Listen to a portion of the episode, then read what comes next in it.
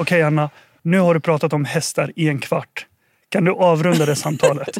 Helst inte. Men det är också fullt rimligt att vi ger hästar lite utrymme även i det här. Jag vet att vi pratade om det förra gången. Men Yes, yeah. det som hade hänt då var ju att svenska hopplandslaget hade tagit VM-guld. Just det. Sen dess har vi också tagit ett eh, individuellt VM-guld. Och jag säger gärna vi här, det gör man gärna när det går bra, eller hur? Okej. Men det är ju igen Nyköpingssonen Henrik von Eckermann Ja. som bara red hem ett individuellt Ja, VM-guld. det är helt fantastiskt. Det är helt Men fantastiskt. har han aldrig vunnit ett VM-guld tidigare? Men ingen svensk ryttare har ridit hem en VM-medalj tidigare. Då förstår jag att du Ja. pratar så Ja. mycket. Okej. Ja, det är eh, stort. grattis, supergrattis. Och det här är Ja. Nyköpings son. Ja. Så förtjänar det ytterligare ett grattis. Då. Verkligen. Men det var ju enda gången naturligtvis jag tittade på tv senaste tiden. För det är ju full valrörelse. Just det. Svettigt. Du ser lite, ser lite sliten ut tycker jag. Det är många som säger att jag ser lite mör ut. Men så är det när man vill ha maktskifte i kommunen. Då måste man representera, man måste träffa medborgarna. Ja. Och man måste självklart också inspirera gruppen. Just det. Och vara liksom ett bra eh, fördöme. Och visa Just att liksom, om, om jag jobbar hårt, då kommer alla jobba hårt. Och det är väl lite så det funkar. Absolut. Laget före jaget. Laget är viktigt. Och vi Eh, har ett helt fantastiskt lag här i Nyköping. Verkligen. Och du jobbar hårt, Amma. Då ska Mm. vi vara helt ärliga. Alltså, jag tycker du ser helt okej ut. För att vara liksom tre veckor från val, som vår eh, partisekreterare brukar säga, så är det en påtaglig frisör som möter en när man träffar dig. tycker jag. Så sug i dig. Muchas gracias Anna. Ja, visst, Tusen varsågod. Mm. Vi kan väl berätta lite vad vi gör under valrörelsen. Just, just det, och du har ju gjort något mycket viktigt. Du har ju presenterat eh, Nyköpingsmoderaternas valkampanj. Just det, precis. Det, gjorde tycker jag också. våra poddlyssnare kan få höra lite om. Jag har ju träffat media eh, och presenterat våra fyra viktigaste frågor under valrörelsen. Vad vi går till val på. Just det. Och eh, det är ingen hemlighet. Eh, Nyköpingsborna har ju sett väldigt mycket av oss, både på sociala medier men även runt eh, stugorna i, i staden. Alla skyltar som finns uppe och så. Men inte minst så har vi knackat väldigt många dörrar här i Nyköping. Så eh, många har väl stött på eh, Nyköpings moderater i alla fall. Mm, det tror jag nog. Så vad går vi till val på? Jo, vi vill eh, stärka alla våra skolor Just det, och värna valfriheten precis. och alla föräldrars rätt att välja den skola som passar deras barn bäst. Just det. Eh, Och eh, de skolor som behöver resurser eh, ska få de resurserna för att kunna bedriva en bra utbildning. För en bra utbildning är det viktigaste vi kan ge våra barn. Så vad handlar det konkret om då? Kunskapsfokus så att våra barn går ur skolan redo att möta arbetslivet till exempel. Eller kanske väljer att studera vidare. Mm. Studiero för våra elever och arbetsro för våra lärare är väldigt, väldigt viktigt. Just det. Och då ska man ju kunna använda egentligen alla metoder som behövs för att det ska bli arbetsro. Så krävs det liksom trygghetskameror så ska de få det. Fler vuxna i skolan vill vi gärna ha som kan avlasta lärarna. Allt för att fokus ska vara att utbilda våra barn. Men mycket bra. Så ett Mm. fortsatt eh, moderat fokus på skolorna i, eh, i Nyköping. Yes. Det tror jag många föräldrar här blir glada av att höra. Okej, så det var ett. Vad har vi mer om? Ja, och sen har vi omsorgen. Vår omsorg måste fungera i Nyköping. Och där är det viktigt att personalen får en bra arbetsmiljö så att de kan bedriva en bra verksamhet och att våra äldre får den servicen de förtjänar. Absolut. Och vi värnar ju om valfriheten. Av detta följer då att eh, personer i behov av omsorg själva ska kunna välja vem som hjälper dem, var de bor, hur de lever och självklart varifrån de köper sin mat och så vidare. Ja, men precis. Valfrihet ska finnas i alla åldrar. Absolut. Eh, och där är ju livskvalitet någonting som eh, också vi kommer fokusera väldigt mycket på. Just det. Vi vill ju att alla våra äldre i Nyköping ska få en så bekymmerfri vardag som möjligt. Och självklart att människor ska kunna se fram emot pensionen. Människor ska kunna bli äldre i Nyköping och känna att de får den eh, kvalitet Just de har det. jobbat och betalat skatt för en gång i tiden. Och nu ska skatteåterbäringen komma, Komma. kan man kalla det så. Ja, det är bra. Så det är omsorgen då. Ja. Sen har vi arbetslinjen som ligger mig eh, varmt om hjärtat. Det är alldeles för många människor i Nyköping som inte går till jobbet. Och vi vet ju att Nyköping mår som bäst när så många som möjligt arbetar och betalar skatt. Det är så vi tillsammans då tar hand om Nyköping. Och kan använda de skattepengar som vi får in när vi får ut människor i arbete till vår kärnverksamhet skola, vård och omsorg. precis. Så vad ska vi då göra? Jo, vi har ju föreslagit att eh, vi vill stärka då SFI till exempel så att man lär sig språket, gör det mycket lättare för människor att komma ut i arbete och integreras. Men framför allt så blir det lättare för företag att anställa människor som kan prata begriplig svenska och förstår eh, vad människor säger. Så att, eh, det. svenska språket är väldigt viktigt. Sen har vi ju samarbetet mellan näringslivet och Nyköpings kommun måste stärkas. Det är företagarna som är jobbskaparna. Utan arbeten så kan vi inte få ut människor i arbete. Så det är en prioriterad fråga för oss. Och sen sist men inte minst då, heltidsaktivering. Ska man få bidrag, ska vi liksom använda våra skattepengar för att hjälpa människor som kan arbeta, då måste vi få någon motprestation. Vi tycker ju att det är väldigt rimligt att det blir en heltidsaktivering mot det bidraget som eh, människor får. Just det, Det ska ju gynna alla. precis. Det var arbetslinjen. Eh, och det fjärde och sista, eh, sist men inte minst brukar jag säga, och det är trygghetsfrågan. Då. Det ska vara tryggt och trivsamt att bo, leva och verka i Nyköping oavsett om du bor i staden eller på landsbygden. Så ska rätt förutsättningar finnas. Just det, och jag tror att, att det här med just tryggt och trivsamt, Mm. det är många som känner igen sig i det. Så här, Nyköping är en mellanstor kommun. Det Just ska det. vara trivsamt. Just det. Ha, fyra bra områden. Ja. Ja tydliga Mm. besked. Och många ju ihop. Mm. Så att, eh, framförallt trygghetsfrågan då, som är allt mer viktig nu för egentligen inte bara Nyköping och länet men hela Sverige i stort. Just det, verkligen. Tyvärr. Mm. Mm. Så att, eh, nej, men det, det känns väldigt bra och eh, mottagandet är väldigt, väldigt bra från Mm. Nyköpingsborna. Vi har lokaliserat rätt frågor, rätt prioriteringar. Nu ska vi bara få förtroendet så att vi kan förvalta det arbetet. Det. Ja men bra. Trygga, pålitliga besked. Det handlar Yes. liksom om att Nyköping ska fungera på bästa sätt. Absolut, Ja, absolut. kanon. Och nu eh, kommer man träffa oss väldigt, väldigt mycket ända fram till eh, valdagen. Mm. Så vi kommer knacka dörr, vi kommer finnas på, i, i centrum, i hamnen och, eh, och kampanja lite överallt. Just och det. självklart på sociala medier kommer ni kunna följa oss. Just det.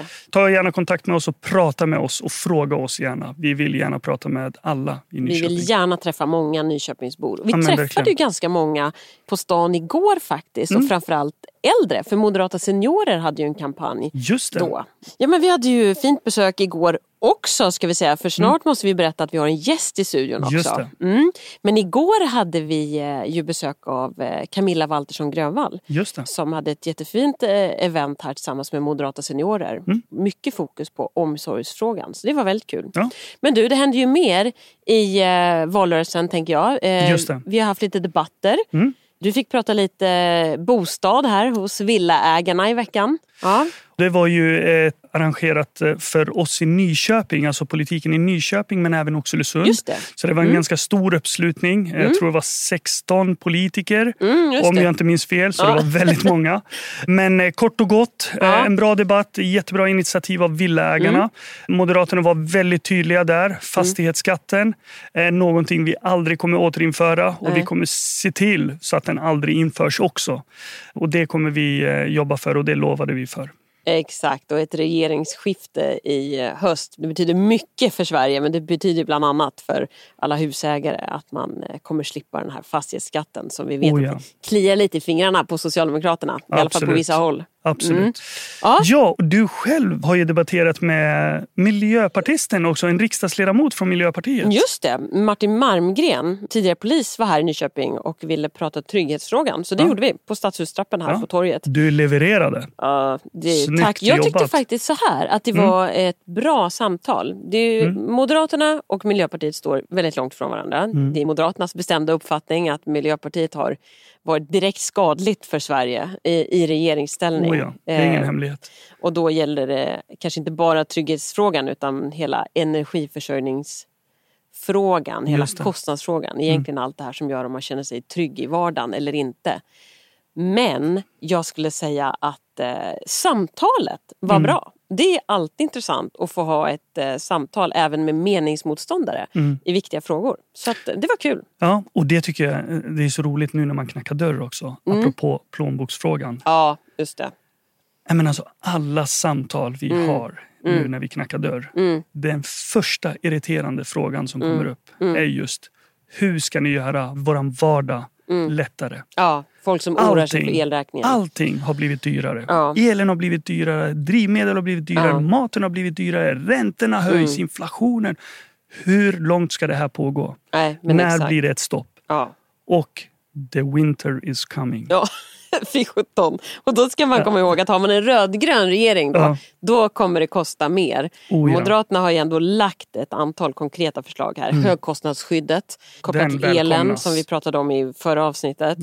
Och hela det här med att vi faktiskt är ett parti som håller ner skatterna. Mm. Så att eh, liksom, staten inte tar mer än vad man behöver i ett läge Oh ja. där människor verkligen behöver så mycket kvar i plånboken som möjligt. Exakt. Nu går vi vidare. Jag tycker Vi har ju fått in väldigt många lyssnarfrågor just det, nu. lyssnarfrågor också. Ja, Ja, eh, det har vi. och, jag är så eh, taggad på att introducera vår gäst. Men vi ska vet. köra lyssnarfrågor också. Och det här är väldigt intressant för Ja. att eh, förra avsnittet så, så nämnde vi ju, vi gav ju en liten sneak Mm, peek. vi kan att, säga vem det är tycker jag som kliver in här när som helst. Ja, men, inte? exakt. Och när vi nämnde då att Maria Malmer Stenegård skulle komma och besöka oss. Just det. Det blev många lyssnarfrågor Ja. som kom in. Eller hur? Så jag har valt ut några. jag har valt få höra. ut eh, tre stycken Ja. som jag tycker är väldigt, väldigt bra. Man kan misstänka men- att det rör sig om migration och integration då kanske. Oh ja, Mm. oh ja. Och det är väldigt bra frågor. Okej, få höra. Vad har vi fått för lyssnarfrågor då? Ja, vi har fått så här, första frågan. Den Mm. här är väldigt, väldigt bra. Moderaterna säger nej till invandring. Varför? Okej. Jättebra fråga. Den andra frågan. Vad ska man göra med alla utrikesfödda kvinnor som inte arbetar? Det tror jag säkert blir en intressant fråga att diskutera kring. Ja. Mm. Och den tredje frågan är också väldigt bra. Ni pratar alltid om att få bort människor från bidrag. Men det finns ju faktiskt de som inte kan arbeta och måste leva på bidrag. Har ni någonsin tänkt på det? Ja, det har vi tänkt på. Ja, precis. Ja, men det var väl tre bra frågor? Ja, ja, men jag tycker det Ja. verkligen. Eh, så jag tänker så här.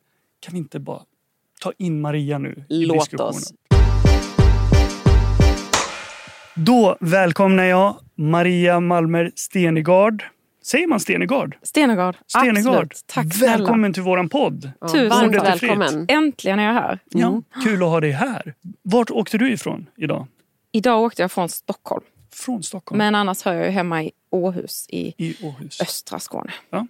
Men Maria, så här, vi, vi vet ju att du är partiets eh, migrations och integrationstalesperson. Mm. Men stämmer det att du också är partiets paddelprinsessa? Just det. Prinsessa och prinsessa. Men jag spelar eh, väldigt mycket paddel. Tycker Ja. det är ruskigt roligt. Ja. Hur resultaten är, det är lite varierande. Ja. Men, men jag spelar i alla fall paddel. Det gör jag. Du lyckades få vår partisekreterare att spela padel. Ja, det var magiskt. Och han ville inte sluta. Alltså bara en boll till sa han i 20 minuter. Allvarligt? Wow. Ja, det är Ja. Ja, ett gott betyg till Men- både dig och sporten förmodligen. verkligen. Och han har ju talang. Är det så? Right. kul! Det syns ju tydligt att han är gammal tennisspelare. Det kan vara både en för och nackdel kan jag säga av egen Ah, erfarenhet. right. Men Mm. han hade en väldigt bra utvecklingskurva under den bra. där. Ja, vad roligt. Ja. Ja. men då måste vi ju spela. Så Gunnar Strömmer, Maria, Ahmad och sen Anna. Ja, låt mig nu bara påminna er om att eh, vi, inför Marias eh, besök här i Nyköping så förhandlade vi bort paddel till förmån för glassätning. Så bara som inte går bort oss här nu tänker jag. Glass ska det bli. Glass ska det bli. Det är så varmt idag också. Ja, men verkligen. Ja, Maria, jag tänker så här. För de som inte vet vem du är. Kan vi köra en kort presentation bara? Vem är Maria Malmer Stenegård? Jag är ju då en inbiten skåning, 41 Mm. år gammal, bor som sagt i Åhus med man och två barn och eh, sen ett och ett halvt år tillbaka en labradoodle som heter Atlas. oh. Och eh, innan jag kom in i riksdagen 2014 så jobbade jag som kronofogde i Kristianstad. Jag har dessförinnan jobbat då på domstol och eh, på advokatbyrå och som systemvetare på Tetra Pak också. Okej, Mm, då är du där. jurist eller? Jag är jurist och systemvetare. Mm. Nice. Nice, nice. Säkert väldigt värdefullt. Eh, som vi ofta konstaterar att man har med sig olika delar liksom, från eh, arbetslivet in i politiken. Ja. Det, det tror jag verkligen att Mm. Att man har en bas att stå på och Mm. att man eh, som politiker ska man ju ändå representera. Just Och det. då måste man ju ha med sig lite eh, erfarenhet, tror jag. Otroligt värdefullt. Mm. Och sen kom du in i politiken. Det gjorde jag. Eh, Varför? Jag var ju engagerad redan, ja, jag började engagera mig när jag började plugga i Lund.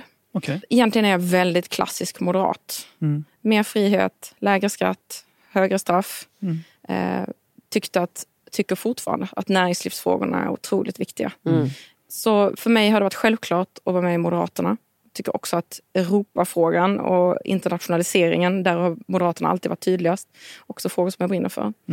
Mm. Så då klev jag in i politiken, höll på mycket med MUF och med studentförbundet och trodde aldrig någonsin att jag skulle bli heltidspolitiker. Standard. och sen hamnade jag ändå i riksdagen och har haft förmånen att jobba både med skattefrågor och klimatfrågor och nu då som ordförande i socialförsäkringsutskottet så är det både migration, sjukförsäkring, föräldraförsäkring och pensioner. Så det är många heta frågor. Wow. Och många breda frågor, Ah, tänker jag. skoja inte. Och det är så roligt. Ja, kul.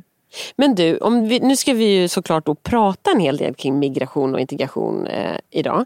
Eh, Om du själv skulle börja liksom, och säga någonting kring det som området eller ditt uppdrag just kopplat till det. Liksom, vad, hur skulle du vilja börja det här samtalet? Liksom? Nej, men integrationsmisslyckandet är ju vår tids stora misslyckande skulle jag säga. Och det skär in i nästan alla samhällsområden. Vi ser hur många barn inte får tillräckliga kunskaper i skolan. Vi ser hur alldeles för många kvinnor stannar i ett ganska brutalt utanförskap som också förs vidare till kommande generationer. Och vi ser tyvärr att alldeles för många lockas in i kriminalitet. Att vända integrationsmisslyckandet, eh, det är kanske vår tids största uppgift. Just det. Just det. Och du har alltid haft spotlight på dig nu under valrörelsen. Just för att det här är ju viktiga frågor för Moderaterna. Har du någonsin känt att fasiken vad jobbigt att svara på samma frågor om och om och om igen? Nej, det har jag aldrig känt. Det har du aldrig känt? Nej? Dels är ju det här så brett område så man får ofta få, prata om väldigt många olika frågor. Ja. Men det är också frågor som jag verkligen brinner för som Moderaterna tycker är helt fundamentala för att få samhället att fungera. Och därför skulle jag gärna vilja prata ännu mer om dem. Ja, vad roligt, vad glad jag blir. För vi har nämligen tre frågor till dig. Ja, Som du säkert har fått höra eller fått ställda till dig flera gånger. Så det ska vara kul. Ska vi börja med dem eller vad tycker du? Det tycker jag. Ja, Bring it men on. då, då kör vi. Första frågan är då, säger Moderaterna nej till invandring idag? Vi moderater tror och tycker att invandring kan vara fantastiskt för Sverige. Mm. Och vår målsättning är att invandring ska vara bra för Sverige. Just det. Svenska företag som konkurrerar på en global marknad är helt beroende av att kunna locka den bästa kompetensen och de skarpaste hjärnorna hit. Just det. Vi ska också ta vår del av ansvaret för människor som är på flykt i en väldigt orolig värld. Just det. Men vi har ett större ansvar än att bara låta dem komma innanför våra gränser. Vi måste också låta dem komma innanför gränserna till samhället på riktigt. Och det är där vi har misslyckats. Och det är därför som vi har landat i att vi måste ha en mycket stram asylinvandring under lång tid framöver. Det är ju så att om man går tillbaka till när Magdalena Anderssons regering tillträdde 2014 så sen dess så har vi varje år i snitt tagit emot dubbelt så många asylsökande som våra nordiska grannländer tillsammans har gjort. Det. Och det är ju helt ohållbart om vi också ska klara integrationen. Och därför säger vi att vi kan inte avvika från andra länder i vår närhet med liknande välfärdssystem och som ligger nära oss. Och därför vill vi se ett volymmål baserat på invandringen i de nordiska grannländerna. Det skulle Just det. innebära att vi skulle gå ungefär från 20 000 asylsökande till 5 000 asylsökande per år, det vill säga en minskning med 75 procent. Så att nej, vi säger inte helt nej till invandring. Den högkvalificerade arbetskraftsinvandringen otroligt viktig. Människor ska kunna söka asyl här, men vi kan inte fortsätta sticka ut. Och det, det, det handlar om i, i stora hela egentligen om att vi måste jobba med de som vi har här. Och bara liksom öppna upp och ta emot fler när vi har väldigt många som inte har integrerats gör att vi bara breder ut på problemen och förstorar problemet för Sverige. Det är en väldigt bra sammanfattning. Jag tycker Mm. inte vi tar ansvar. Och det är många som beskyller oss för att inte vara humana. Men jag tycker att det är djupt inhumant Ja. att låta väldigt många människor komma hit och sen faktiskt i praktiken inte bry sig om hur det Mm. Går för dem här. Ja. Vårt ansvar måste vara mycket större än så. Ja. Och det är rimligt. Och sen också tänker jag våga se ansvaret man har för de som redan bor här. Att Sverige måste ju hålla ihop för att också i framtiden kunna vara det här landet som hjälper till, inte bara med liksom att ta emot människor på flykt men mm. fungera väl och driver utveckling och så vidare. Så att eh, det känns som ett ganska logiskt resonemang på det sättet att, att ett Sverige som fungerar kan göra en insats i långt större utsträckning mm. framåt. Liksom. Exakt, det är otroligt mm. viktigt det du säger. Om inte människor som lever och verkar här i Sverige upplever att invandringen fungerar, då kommer de inte heller att vara lika benägna att hjälpa. Exakt. Så därför måste vi ha en långsiktig tanke så att invandringen upplevs som bra för Sverige. Och så tror jag att det är väldigt få som känner att det är idag. Exakt. Och vi sticker också ut. Jämfört med andra länder så har vi tagit emot väldigt många från länder som har en låg utbildningsnivå, låg BNP. Det. Eh, och det kan man inte sticka under stol med är också ofta en mycket större mm. eh, uppgift att integrera dem. Vi är till exempel det land i EU som har störst andel av befolkningen som är född utanför EU. Just det. Och det är en andel som bara ökar. Mm. Och jag tänker så här, du, eh, en av de saker som du har gjort i, i Nyköping idag är ju att presentera ett antal åtgärder från Moderaternas mm. sida just kopplat till kvinnor som befinner sig utanför arbetsmarknaden. Om vi tar de här frågorna först mm. så kan vi väl gärna mm. Låta dig Maria berätta lite om de förslagen mm. också tänker jag. Absolut. Men kör eh, våra ja. lyssnarfrågor först. Ja, men det, absolut. Då går vi till nästa fråga då. Eh, och den är också väldigt bra. Vad ska man göra för att få fler utrikesfödda kvinnor ut i arbete? Mm. Och då blir det egentligen svar ja. på, ja. på den frågan som du var inne på Anna. Ja, Utmärkt effektivt. Ja. Um, nej men det är ju nedslående när man ser eh, statistiken. Eh, jag har presenterat unik statistik idag för Nyköping.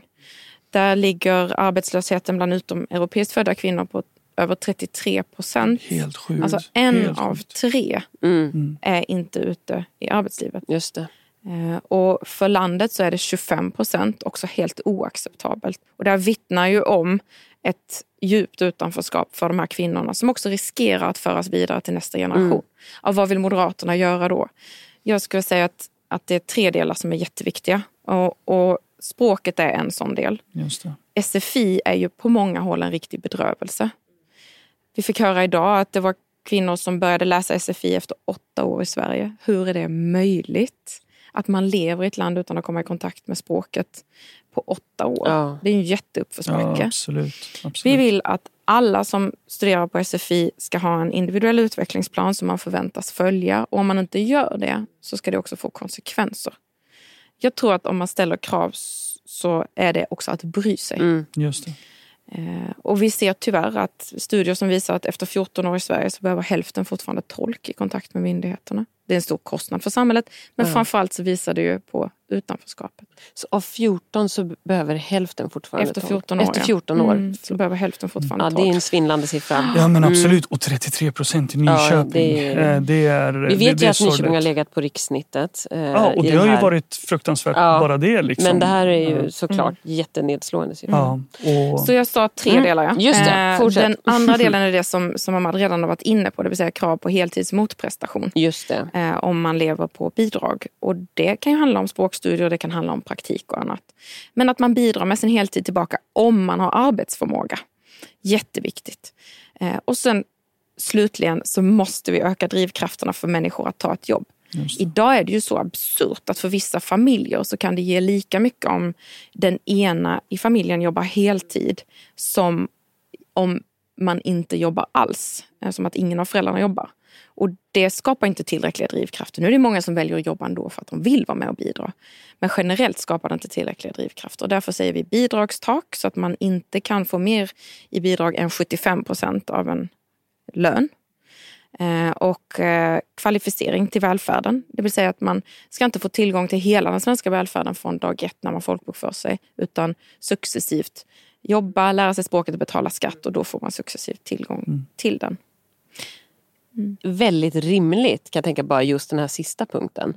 Tror jag också utifrån vad vi pratade om förut det här med att för att inte bara Nyköping, hela Sverige ska hänga ihop så måste det finnas en rättvisa på något sätt i, i systemet. Mm. Och har man då betalat in skatt till det här i hela sitt liv, då är det klart att då, då blir folk eh, besvikna liksom, på systemet på något sätt när, när man också kan komma och från dag ett få samma tillgång. Så jag tror att den här sista punkten du nämner är ju eh, den är viktig för att liksom, samhället ska hålla ihop, för att man ska ha en förståelse. Och, och ibland kan de till och med vara kontraproduktiva. Om man tar till exempel föräldraförsäkringen så kan det ju bli en riktig kvinnofälla. Just det. För om man får många barn i tät följd så kan det ju innebära att man är då föräldraledig under väldigt många år. Eh, och aldrig kommer egentligen in i SFI och ut i arbete. Och, och det är ju ingen som kan Och det är en jämställdhetsfråga det också, som eh, är väldigt viktig för oss Mm. eh, moderater. Så här, i, I Nyköping har vi ju tacklat, som Anna var inne på, med det här problemet väldigt länge. Att det är alldeles för många utrikesfödda kvinnor som står utanför arbetsmarknaden. De här chockerande siffrorna är ju faktiskt resultatet Mm. av ett 12-årigt styre med Socialdemokraterna i Nyköping. Så det här är ytterligare Mm. en anledning till varför vi behöver ett nytt politiskt ledarskap Mm. i Nyköping. Och åtta år av eh, misskötsel på nationell nivå också. Absolut, Där vi hade en absolut. statsminister som lovade Sveriges lägsta arbe- EUs det. lägsta arbetslöshet. Ja. Men vi fick eh, EUs Mm. fjärde högsta. Mm. Och vi, det, är så här, det kan ju låta väldigt eh, mörkt men vi vet ju också att runt om i landet så finns det ju goda exempel Absolut. i eh, må, många moderat styrda kommuner som verkligen jobbar med arbetslinjen. Och vi har ju sett att de här, den här kurvan kan ju vända. Absolut. Men det är precis som du säger Amand, här i Nyköping så har man ju eh, gjort människor en björntjänst genom att från det politiska styrets sida inte våga, tror jag, ta i det här på det här liksom konstruktiva sättet som arbetslinjen innebär. Liksom. Men det är lite samma tendens att man tror att det är humant att Ja. inte ställa krav. Och när det är precis tvärtom. Precis. Men jag tycker ändå att det är hoppfullt att se att man ganska snabbt kan få resultat om man ger sig katten på att vi ska lyckas få in de här människorna på arbetsmarknaden och verkligen ger dem verktygen och drivkrafterna. Och jag är hoppfull i, i Nyköping. Mm. Det går att vända den här trenden. Det är inte för sent, absolut inte. Utan det krävs rätt prioriteringar och några som verkligen vill jobba för förändring. Just och det, det. vill vi moderater. Så är det. Så de som, ska, eh, de som kan arbeta, de ska arbeta. Och vi ska självklart hjälpa de som inte har möjlighet att arbeta. Men försörjningsstöd ska gå till dem och ingen annan. Just, och är vi inte då lite fått en snygg brygga här till sista lyssnarfrågan, eller? Du Var sa så? det, du sa det, Anna. Eller hur? Kör! Ni pratar alltid om att människor ska bort ifrån bidragsberoendet.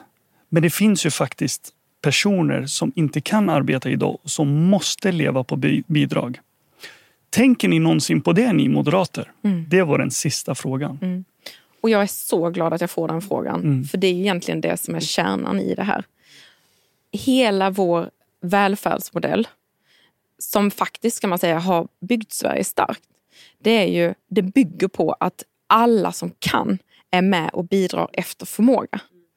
Och när det inte fungerar, när varannan utrikes född i arbetsför ålder inte kan försörja sig själv, inte är med och betalar skatt, ja då drabbar det ju de som inte kan jobba. Just det. Alltså om välfärden ska vara som starkast för de som är som svagast eller som behöver det som allra, allra mest, ja då måste arbetslinjen gälla. Mm. Eh, Men jag kan vara lite självkritisk och säga att den delen pratar vi inte tillräckligt mycket om. Och det är ju otroligt viktigt att betona att våra bidragstak till exempel träffar ju inte de som inte har arbetsförmåga. Nej, just det. Det var väl ett väldigt bra, bra klargörande. Eh, tror jag, från Moderaternas sida. Det är bra att du tar upp det Maria på det sättet. För att den här frågan möter vi ju ganska ofta. Absolut. Också här liksom när man är ute och pratar med människor. Att äh, ni glömmer väl inte de som faktiskt behöver hjälp. Och det är precis som du säger att det är ju kanske först och främst de vi tänker på. Precis. Vi kommer hjälpa de som behöver hjälp, men de som kan arbeta, de ska alltså arbeta. Det är så vi tillsammans bidrar till ett bättre Sverige. Just det. Kan vi avrunda så? Så kan vi avrunda. Ja. Lyssnarfrågor-delen var väl en väldigt Ja, bra. precis. Men vi måste ju eh, höra lite mer, tänker jag, från eh, Maria kring läget i, vad ska vi ta? Ska vi prata vidare kring, eh, kring migration och integration eller ska vi ta lite allmänt politiska läget i Sverige eller ska vi gå så långt att vi låter Maria säga vad hon vill? Jag vet inte, vad tycker ja, du? Men, eh, jag, jag tycker så här, ge oss lite, lite nytt, lite update. Vad finns det? Vad händer i valrörelsen? Vad händer runt om i Sverige? Du Oj. möter väldigt många människor, du träffar väldigt många kommuner. Det gör jag. Knackar många dörrar, precis som ni gör här. Ja, Eh, jag får så otroligt mycket energi varje dag jag är Ja, ute. Jag känner att det är väldigt bra stämning där ute. Ja. Eh, när vi knackar dörr eh, så öppnar de och säger att vi måste ha förändring, ni är helt rätt på det. Politik handlar ju om att prioritera. Man kan inte göra allt. Och det finns många politiker som inte inser det. Försöker göra allt och så blir det väldigt lite av det. Eh, nu har Sverige enorma problem som vi måste ta itu med. Och då handlar det om att fokusera på dem. Och det är ju kriminaliteten Just och det är klimatet Mm. och det är utanförskapet och hushållsekonomin. Just det. Och då känner människor att vi ligger så rätt på det. Och jag som bor i Skåne, där har ju alla köpt ved. De har köpt pyjamas till hela familjen. De Ja. har köpt innetofflor.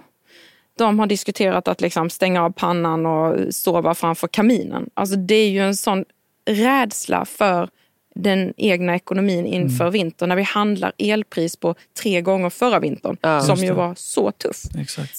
Så det är många som är riktigt oroliga och jag upplever väl att Moderaterna är det parti som kan möta den oron hos väljarna. Mm. Men sen får vi inte glömma den långa sikten. Alltså den hoppfulla tron Mm. på Sverige. När vi har löst de här problemen så har vi ju en vision för vårt Sverige där alla barn kan bli sitt bästa jag. Oavsett var i världen de är födda eller av vilka föräldrar.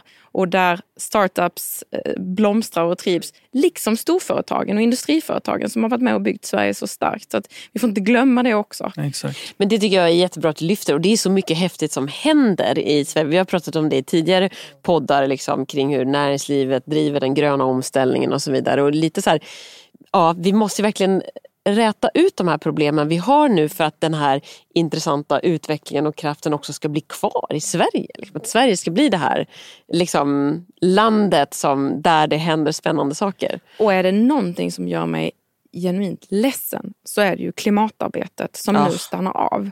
Jag hade ju förmånen att få vara miljö och klimatpolitisk talesperson tidigare. Och vår absolut främsta tillgång har ju varit den rena elen. Vi har Just haft en det. fantastisk mix på 98-99% fossilfri el. Och den äventyrar man nu. Och jag som har eh, stuga väldigt nära Karlshamnsverken kommer ut på havet och ser hur det bolmar Ja. i juli, augusti. Ja. 70 000 liter olja i Ja. timmen. Det är vad det har blivit. Det är ett hån mot det stenhårda klimatarbete som, som inte minst våra företag driver.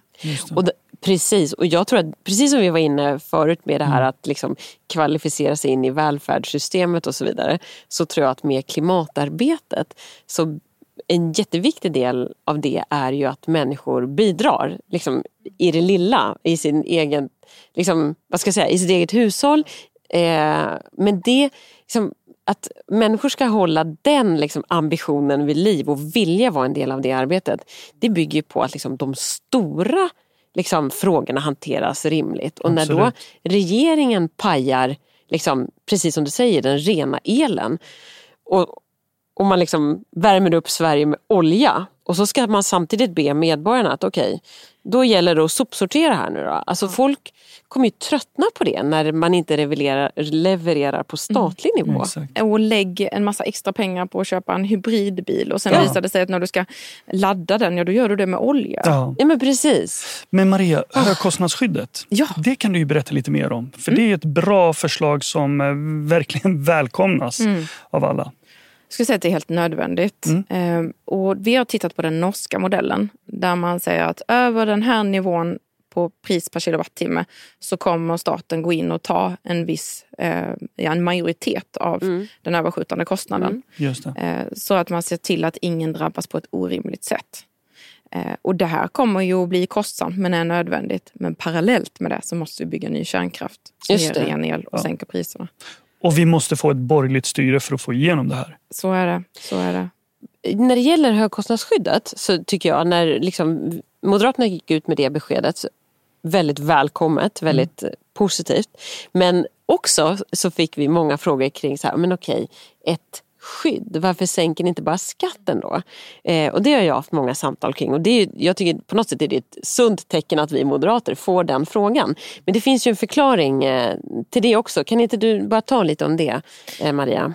Jo, det är ju det är skönt att det är ryggradsreflexen mm. från en moderat. Men mm. i det här fallet så slår det inte rätt och då måste även vi moderater tänka om. För man jobbade ju med den modellen i vintras och det innebar ju att, att vissa norrlänningar fick ju mer i kompensation än vad de betalar i sin elräkning. Det är ju faktiskt varken rimligt eller rättvist. Nej. Den här modellen ger en betydligt rimligare kompensation till de som drabbas hårdast. Mm. Det kommer fortfarande bli väldigt dyrt. Så de som säger att man då inte kommer ha drivkrafter för att minska sin elkonsumtion, mm. de förstår nog inte hur höga kostnaderna ändå kommer bli. Eh, men det blir mer rättvist mm. och kompenserar med de som kommer ha helt orimliga elräkningar. Det vill säga främst i söder. Just det. Så faktiskt så för de som oroar sig för sin elräkning nu så ska man veta att den, det här valet i mm. höst mm. så är det faktiskt en väldigt konkret plånboksfråga som, som har två helt olika eh, lösningar. Där finns ett moderat tydligt besked om stöttning till de hushållen som kommer få det tufft och ett icke-besked från den rödgröna sidan där vi ju inte vet hur det kommer se ut med stöd till de som får det tufft på grund av, av eh, att energiförsörjningen har havererat då egentligen med socialdemokratisk hjälp. Efter, efter vårt besked så kom det sen ett pärlband av förslag från partierna, eh, de andra partierna och det välkomnar jag ju att det är fler som vill kompensera hushållen och att Socialdemokraterna också har mer eller mindre anammat vår modell. Mm. Men det som är problemet med deras eh, inriktning och framförallt med de samarbetspartners som Socialdemokraterna kommer att ha är ju att de kommer inte vilja bygga någon ny kärnkraft. Mm. Det innebär ju att staten kommer i så fall behöva stå med den här mm, kostnaden mm. för en mycket, mycket lång mm. tid framöver. Det förstår jag inte hur vi ska ha Nej. råd med. Och också hushållen naturligtvis. Och därför ska man då rösta blått. och det är egentligen den nya gröna högern. Just Exakt. det. Så mycket är det. bra. Ni hörde rätt. Gröna högern. Maria, kan vi byta eh, inriktning nu? Ja. Jag skulle vilja prata lite om eh, den ökade kriminaliteten. Framförallt eh, ungdomsbrottsligheten som ändå har med integrationen att göra också. Mm. Hur ser den ut nu generellt runt om i landet? Det skrivs väldigt mycket om den. Att det är eh, liksom en ökad otrygghet. Hur jobbar Moderaterna? Hur vill man jobba för att minska på ungdomskriminaliteten? Mm. Förebyggande arbete har jag hört tidigare. Kan du berätta lite mer om det till exempel? Ja, och där har vi ju verkligen ett, ett otroligt stort batteri av förslag. Vi har presenterade för några veckor sedan 52 förslag för ett förebyggande arbete som är så viktigt. Framförallt för att vi inte ska eh, få se samma utveckling kommande generationer. Eh, och där är ju skolan helt central. Exakt. Vi har ju alldeles för många unga som inte klarar eh, gymnasiebehörighet när Just de går ut nian ska vi bli mer specifika så ligger det på ungefär 6 av 10 lite drygt av de som är utrikesfödda som, eh, som får gymnasiebehörighet mellan ni, medan 9 av 10 som är svenskfödda får gymnasiebehörighet. Redan där finns det en risk att man lockas in i kriminalitet istället. Det är viktigt med vuxna förebilder som inte är gängkriminella, eh, som det tenderar att tyvärr bli eh, om man fastnar i utanförskapsområden. Vi måste också mycket tuffare straffa de som utnyttjar unga för sina egna kriminella syften. För där så använder de ju så unga som 9, 10, 11-åringar mm. för att de vet att de inte straffas Just i domstol. Det. Och det är ju otroligt hänsynslöst. Mm. Men sen får vi får ju också acceptera att, att, eller inte acceptera, absolut inte acceptera, men inse att kriminaliteten kryper allt lägre ner i åldrarna. Mm, och eh, också straffa i större utsträckning de som begår brott som är över 15 år. För det vi ser och det vi hör är ju oftast eh, att eh, det är svårt att få ett stopp på eh, rekryteringen i eh, de här utsatta områdena. För att eftersom det inte finns positiva förebilder i, i väldigt många områden så brukar de här ungdomarna då se upp till de negativa förebilderna och de negativa karaktärerna egentligen. Mm. Finns det någonting eh, som Moderaterna jobbar för, alltså i tidig ålder, för att man ska nog titta åt de positiva förebilderna? Ja, men jag, jag tror som sagt att det handlar väldigt mycket om skolan. Mm. Att se till att man eh, stärker skolan, att man ser till att man också har ett bättre samarbete mellan skola och eh, den civila sektorn. Alltså se till att idrotten kommer in mer eh, i skolan. Vi vet ju från historien att de allra finaste framgångsexemplen, där har ofta idrotten var, Ja, haft ett exakt. finger med i spelet. Och där har man hittat förebilder, där man också kommit i kontakt med det svenska samhället på Ja, ett annat precis. sätt. Eh, Så att kan vi stärka idrottsrörelserna och, och andra ideella verksamheter som jobbar väldigt praktiskt med integrationen eh, och bygger broar också mellan olika områden med olika bakgrund, då tror jag att vi har vunnit väldigt mycket. Jag håller med dig, verkligen. Jag tänker, vi har ju eh, också liksom erfarenheten här i Nyköping av att liksom båda delarna behövs. Både de här såklart förebyggande insatserna men konstaterade ju också att när polisen faktiskt plockade in ett antal negativa förebilder Exakt. så blev det lugnare. Ja, så att det här med att det behövs både liksom ordentliga straff och en stärkt polis och så vidare. Det går verkligen hand i hand med, med de mjukare åtgärderna eller hur vi ska beskriva det. Verkligen. Och jag, en, en sak som jag måste lyfta, som låter teknisk och tråkig men som är otroligt viktig.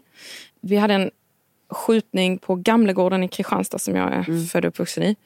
eh, Förra sommaren, en fruktansvärd skjutning. Eh, Och dagen efter så var jag där och träffade polisen och då säger de det enskilt viktigaste att ni gör det är att riva sekretessen mellan myndigheter. Just det. Skulle polisen och socialen få prata med varandra så skulle vi mycket tidigare kunna hjälpa och stötta familjerna och ungdomarna som är på väg åt fel håll. Just Och det. det kan göra mig så förbannad och ledsen och beklämd att vi inte har gjort det. Ja. Och riksdagen har krävt det hur många gånger som helst Ja. av regeringen. Och jag förstår inte varför inte viljan finns. Det är Nej. klart att de i det syftet måste få dela information med varandra. Exakt. Bort med de statliga stuprören. Ja, verkligen. Och när vi nu pratar om att plocka bort sekretessen mellan myndigheter. Just det. Då kommer jag ju att tänka på det växande skuggsamhället. Ah, Så vi vet ju inte hur många som finns här utan att ha rätt till det. Eh, Men vi bedömer, eller de som är insatta, journalister och poliser som jobbar med det här, säger att det är minst 100 000. oj. Och det finns så mycket dumt som görs och inte görs. Eh, för det här är ju en, egentligen en fundamental del av en reglerad invandring. Att får man ett ja, då ska man verkligen ha eh, alla möjligheter att komma in i samhället. Men får man ett nej, då måste man också lämna landet. Just det. Men det är bara hälften av de som får nej på sin asylansökan som faktiskt lämnar landet frivilligt. Och det är bara en väldigt liten del av de som inte lämnar frivilligt som faktiskt verkställs. Just det. Det är ju till och med så illa att, kommer ni ihåg att det var en städerska som, som Ja, man påträffade hemma hos Magdalena Andersson. Oj, Just oj, det. Som alltså vistades här illegalt. Vi, vi har en person som vistas här illegalt som kan städa hemma hos Vad statsministern. är oddsen om man börjar Skuggsamhället där? kliver rakt in i farstun. Ja, I Rosenbad. Liksom. Helt galet. Ja. Och då är det, Det är sjukt. apropå det här med sekretess mellan myndigheter. Hade det varit Skatteverket som av någon anledning hade kommit på att hon var där.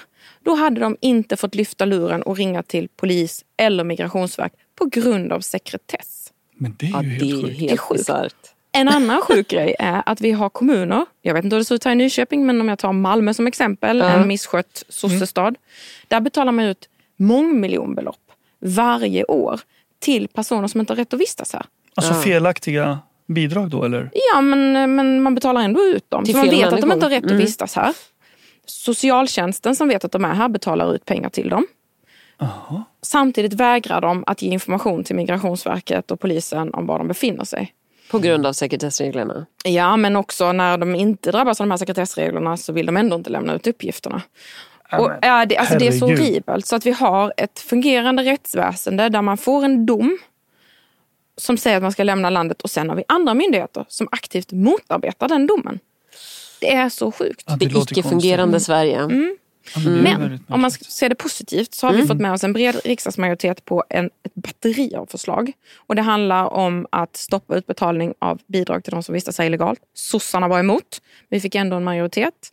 Det handlar om informationsplikt mellan myndigheter om man påträffar någon som vistas här illegalt. Ja, bra. och eh, ja, en rad andra förslag. Mm. Fler förvarsplatser, elektronisk övervakning. Bättre säkerhet på förvaren är också en grej. Såg Mm. ni att det var någon som sågade upp ett hål på förvaret i Åstorp och bara drog? Just det. Det är också... ja. Inte okej. Nej. Och då- Nej, så och kan då- vi väl sammanfatta det. Inte okej. Inte okej. Och då är det så att nej, de får inte lov att söka igenom bostadsrummen på förvaren regelmässigt. Nej. Att det var fräckt. Ja, ibland liksom slår byråkratin knut på sig själv. Mm. Liksom. Ja. Men gott att höra att Ja. Moderaterna och du och ditt utskottsarbete har liksom gjort skillnad här. För jag men tänker att får vi väl en driftig regering på plats då har vi ganska mycket som ligger i liksom, startgroparna för att kunna rullas ut. Mm. Och det tycker jag är en ganska så här, skön och hoppfull känsla att börja avrunda i det här kanske. Eller vad Mm. Säger ni? Vi är Absolut. jätteglada för att du har kommit hit eh, Maria idag. Ja. Vi, har, vi tänkte vi skulle prata lite migration och integration men nu har vi tagit klimat och trygghet och skuggsamhället. Och Vi måste ju Helt passa på fantastiskt. när vi har någon som har jobbat i Exakt. flera områden. Ja, men, och sen vill jag ju tacka. Jag får så otroligt mycket energi av att vara här i Nyköping. Och jag ser så mycket fram emot att få komma tillbaka när Ahmad har tagit över här och är kommunstyrelsens ordförande. För det förtjänar verkligen Nyköpingsborna. Tusen tack verkligen, Maria, du är alltid välkommen. Tack. Alltid. Tusen tack för att du kom idag. Tack. Men du, vad trevligt det här var. Verkligen, Maria är en superperson. Ja.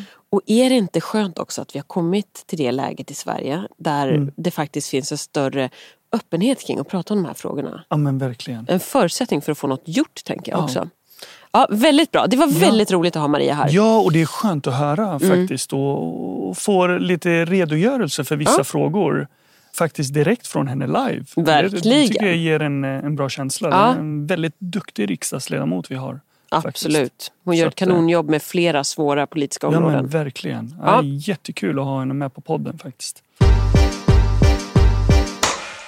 Anna, hiss eller diss? Just det, över till något helt annat så att säga. Ja, är det din tur att hissa nu? Det är min tur att hissa. Yes, Mm. all right. Jag är förberedd för den här Ja. hissen. Okej, Ja. ja. där ser man. Det ser man. Det kommer inte komma som en överraskning. så här blir det. Den självklara hissen. All right. Ja, ja, ja. Efter alla dessa fantastiska världsmästerskap. Naturligtvis Naturligtvis. svenska hopplandslaget. yes. Och Mm. framförallt Nyköpingssonen Henrik von Eckermann som Ja. alltså red hem guldmedaljen Ja. i hästhoppning. Det är min hiss idag. En jättebra hiss. Och det har blivit en Välförtjänt. sån härlig vana Ja. hos mig att kuppa in hästar i alla poddavsnitt. Vi ska se hur det går nästa gång. Ja, precis. Det Ha. är jättebra. Eller hur? Du, eh, så det Ja. var hissen det. Ja. Eh, men vi har ju alltid en diss också och Dissen, den ska ja. du få leverera. Ja, min diss kommer gå till de personer som förstör alla partiers valskyltar i Nyköping. Ah, mycket bra. Man behöver inte hålla med alla partier, men man måste respektera vår demokrati. Verkligen. Det är viktigt också att komma ihåg, Mm. i kommunpolitiken är det väldigt många människor som jobbar ideellt Ja. och lägger mycket tid på att jobba med materialet Mm. samt åka runt och sätta upp de här skyltarna överallt. Just det. Eh, Johan Stenberg, min moderatkollega, är ju ett jättebra exempel. Han gör ju ett hästjobb idag med att åka runt och laga och fixa alla våra förstörda affischer varje dag. Ja. Så eh, min diss går då till alla som förstör valskyltarna i Nyköping. Trist diss, men helt rätt att lyfta. Ja, men Absolut. verkligen. Jag tycker det. Hiss och diss avklarad och vi Ja. närmar oss ju med blixtens eh, hastighet eh, avrundningen på det här poddavsnittet. Just det. Ja, det är lite trist. Det är som Ja. så trevligt att podda. Men det är ju å andra sidan eh, dags för La Grande Final och det är ju alltid vallöftet. Just det. Så eh, bring it on eh, Ahmad. Vad är vallöftet för dagen? Ja, men eh, jag tänkte faktiskt ha ett vallöfte kopplat till det vi har diskuterat tidigare idag med eh, Maria. Eh, jämställdhetsfrågan Ah, mycket bra. framför allt. Det gillar vi. Eh, Och eh, de eh, kvinnor som står utanför eh, arbetsmarknaden. Just det. Så eh, mitt vallöfte är då att ta jämställdhetsgrepp på arbetslinjen, tänker jag. Idag är alltså 33 procent som vi hörde, utomeuropeiska kvinnor då, här i Nyköping som står utanför arbetsmarknaden.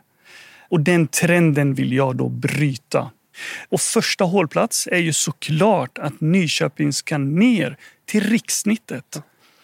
Jag är inte nöjd där om jag ska vara helt ärlig. Vi ska få ut fler kvinnor på arbetsmarknaden och stärka jämställdheten i Nyköping. Det är mitt vallöfte till Nyköping. Oh. Och det är ett mycket bra vallöfte tycker jag. Ett jämställdhetsgrepp på arbetslinjen. Snyggt Ahmad. Absolut, det kommer vara tufft men eh, som sagt, vi tar inte på oss några lätta uppdrag Nej. utan det här ser vi fram emot. Mycket bra. Vad skönt att få avsluta podden i sann jämställdhetsanda. Det gillar vi. Ja, men verkligen. Men vad ska vi göra nu då? Ja, nu ska vi faktiskt äta glass med Maria. Hon är sugen på glass. Ja. Så jag tänkte att vi ska... Och man kan förstå det, eller hur? Det kokar ja. i den här studion. Ja, det är så varmt. Så Nyköping ska få leverera glass till eh, Maria Malmer Stenegård. Och sen ska vi ut och kampanja på stan. Just det och träffa medlemmar ikväll. Jajamän, ja, jajamän. Det blir fantastiskt roligt. Ja, så det är full rulle. Ja. Men eh, innan vi avslutar, vi vill bara påminna om Skicka gärna frågor till oss. Följ oss på sociala medier. Vi finns på Instagram, vi finns på Facebook. Där kan ni ställa era frågor eller direkt till mig och Anna om ni känner för det. Just det. Och gillar ni det ni ser mm. så dela gärna vårt innehåll och våra budskap så blir vi fler som jobbar för ett blått styre här i Nyköping. Tusen tack för att ni lyssnade. Tusen tack.